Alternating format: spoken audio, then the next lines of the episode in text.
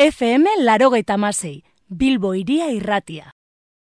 Eta ostegunero egite dugun eh, bezala, argia aztekariak eh, ze nolako edukiak dituen eh, galdetu egingo diogu Lander Arbelaitze kasetariari, argiako kasetariari. Lander, egunon? Kaixo, egunon. Bueno, badakigu, eh, elkarrizketa ugari, beti danik, eh, elkarrizketa ugari egin izan dituzula, beti ere kojunturari, momentuari lotuak eta maiatzaren lehena, hemendik lasterrera, hemendik egun batzuetara, langileriaren, eh, sindikalgintzaren eh, egun importante, egun seinalatua, eta hori delata, horrengo honetan, ba, Adolfo Muñozekin, elako idazkari nagusiarekin hitzekin nahi izan duzue. Hola, laburre da, zer kontatu dizue e, txiki Muñozek? Bai, ba, urko paulaza lankideak elkarrizketa du Muñoz, eta titular majo batzuk utzi dizkigu. Adibidez, ba, elkarrizketa irekitzeko, Euskal Neoliberali, eh, a ber, Euskal Neoliberalei asko gustatzen zaizki Espainiako lege eta hitzarmenak.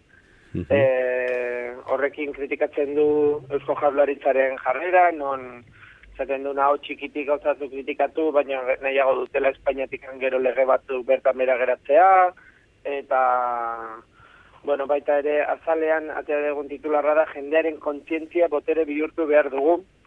Eh, hor burko galdetzen zion elak atea zuela kanpaina bat, non arpegi eta arpegi edo argazkiak erakusten zituztena politikari eta enpresarienak eta berak esaten zuen ba, oso pedagogikoa izan zela eta e, mundu txal honetan politik, politikak eskerrak barne uko egin diola eztabaida ideologikoari eta bueno, e, kontzientzia garatu behar dela, eta gero hori nola ba, e, botere bilakatu. Besterik golan azpimarratzekorik, bere zanetan, ez, ez da?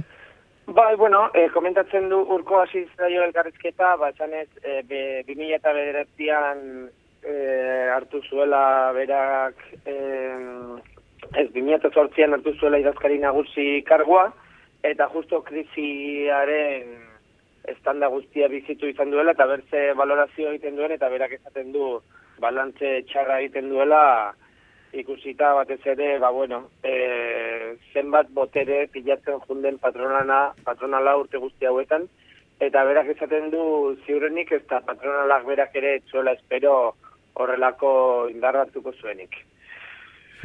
Egia esan dena patrolanaren alde etorri da, ezta? Berak bai. salatzen duen bezala, mm, arau, dekretu, lege gehienak patrolanaren alde etorri baitira, eta langileek eh, bitarte honetan, eh, denbora bitarte honetan, ba, eskubide historiko ugari galdu dituzte. Ez da elkarrizketa bakarra, egiten duzuena lehen aipatu dugun bezala, eta orain honetan, Nafar historialari batekin hitz egin nahi izan duzu, eh? Fernando Mikelarenarekin nahi zuzen ere, ba, Nafarroan eh, gerra ostean gertaturikoak eh, berritze aldera, gogoratze aldera.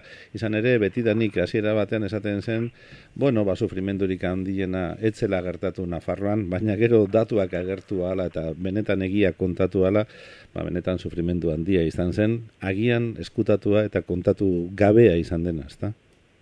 Bai, koldo azkune kolaboratzailea egonda Fernando Mikelarenarekin.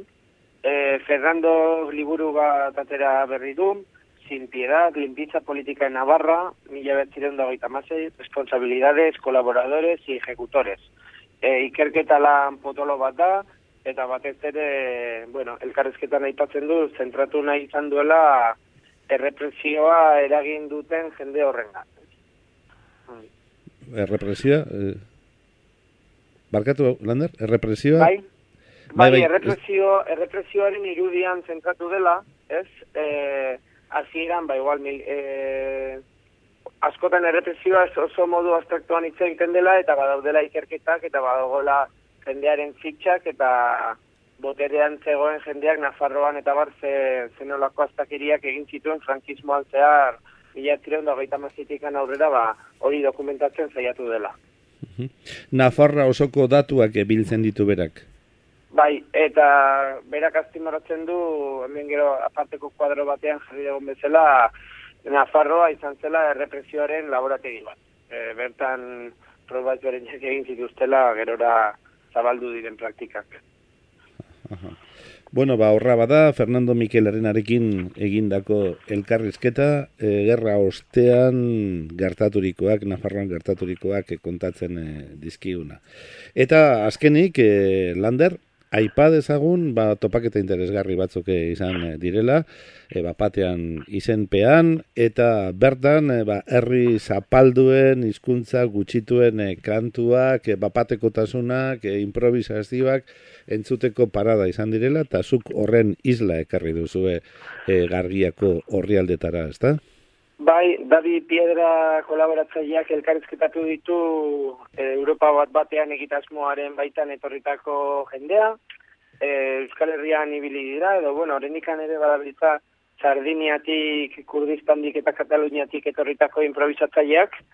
Eta nahi badezu, gual pixkat aldizut laburtu, bakoitzak eman duen ideia orokorren bat, edo lago zezer. Sardinia, Kurdistan, Eta, eta Katalunia. Eta Katalunia, improvisatzaileak eta ze azpimarratu dute haietako, ze azpimarratu bai, du haietako bakoitza. Badibidez, eh, Sardinian kantadoriak, kantadori, eh, bai. da erabiltzen duten kontzeptua, eta bertan azpimarratzen du Paola Dentonik, ba, beren kantua oso lotuta dagola hizkuntzaren biziraupenarekin, eh? Eta zoritxarrez atzera egiten ari dela hizkuntza eta oso gazte gutxi azten dela improvisazioan.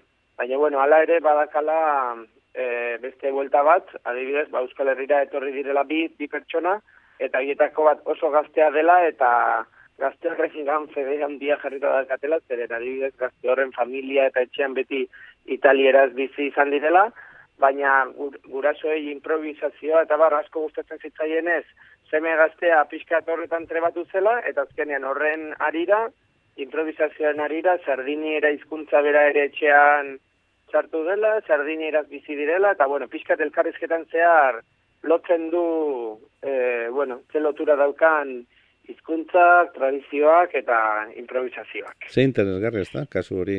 Nola baite, bertako sardiniera iztun berria, eh? baitira bere familiako. Bai, bai.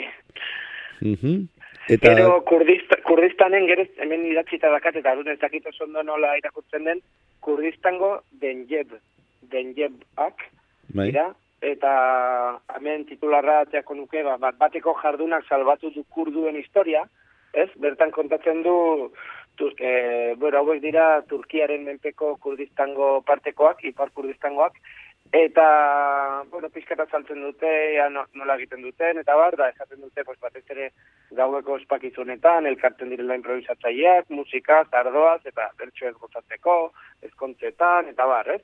Eta azaltzen dute, ba, Turkiako estatuak ez duela ezer jakina izan sekula e, tradizio ontaz, eta pixkat, ba, kurduen improvisazioa indartu nahi badute, ba, beharrezkoa dutela egitura batzu sortzea, eta bertan, ba, dibidez, e, Ipar Kurdistango hiriburu den Ahmed e, kur, e, Turkieraz Bilarbakir deitzen dena, ba, bertako udala duela gutxi lortu dute kurduek irabaztea, bai. eta udaletik ari direla saiatzen ba, improvisatzaileen etxe bat sortzen, eta bueno, nola bait nahi dutela sustatu eta ari direla hortan. Eta beren e, historia gordetzeko modu ere izan da, ez da, improvisazioa eta hausko hizkuntza. Eta... Bai, momentu... Bai, bai barkatu. Bai, ez momentu baten izaten du baita ere kurduak oso gutxi idatzi dutela bere historia eta nola baitzen nuke Euskal Herrian bezala ere, hau zao pasa direla belaunaldiz belaunaldi historian gertatutako kontuak, ez? Hau ere kantuaren bitartez. Uh Eta azkenik eh, guazen Kataluniara bertan diren... Bai, azkenikan katalanak daude, eta bertan etorri dira bi bikide, Anaiz Falko eta Cristian Zimelo, Eta bertan azaltzen dute, ba, bueno, e, herrialde katalanetan improvisaziorako dauzkaten modalidade ezberdinak. E, adierazi dutenez, menorka uartean dauka bat batekoak tradizio sendoena, eta egiten dute hiru abeslari eta gitarra jole batekin. E, gero, igual ezberdina da, Mallorcan, ba, bertan egiten dute musika tresnari gabe, eta barrez, azaltzen du, pues, herrialde katalanetan badaukatela egiteko modu ezberdinak. Eta gero, ba, pixka bat elkarrizketatzaia galetzen dio Euskal Herria eta Kataluniaren arteko harremanaz, eta behiek esaten dute zapalkuntzak batu gaitu, eta aprobetsa dezagun hori gauzak elkarrekin egiteko, beraiek bera hau polita iritu zait, e, ari dute Euskal Herria improvisazioaren katedrala dela. E, eta eskatzen dute, ba, bueno, hau bezalako egitasmo hau bezalako gehiago antolatzea, eta improvisatzaileak munduan zehar, ba, elkar ezagutzea gehiago.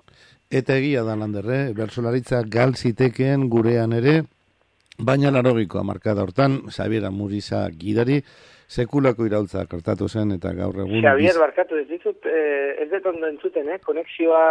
Eten eginda? Bai, bai, bueno, orain orain entzun dizut, baina ez bai. entzun, ez entzun entzuten ondo. Esatenaren intzaizun eta e, entzulei ere bai, Lander, ba, zorionean e, Euskal Herrian, larogikoa markadan, benetako iraultza bat gertatu zela, Xabiera Moriza gidari izan zela, eta erabateko buelta eman zitzaiola e, barsolaritzaren gainberari, eta gaur egun hor goian dago, eta munduko bastar guztietan, eredugarri daukagula, ezta? Katalan horrek bai. aitortzen duen bezala, eta hori benetan postekoa da Euskal kulturari begira. Ba bai, ba bai, funtxean ere beste herrietan hauek komentatzen dutena nik imagina dezaket Euskal Herria antzeko egoeretan egon dela eta gu buelta eman badiogu ba erakusten beste herriei ere indar hori transmititzen aldi egula, eh? E, ondo antolatu eta grina jarriz gero ba posible dela kultura, iraultza kultura lauek egitea.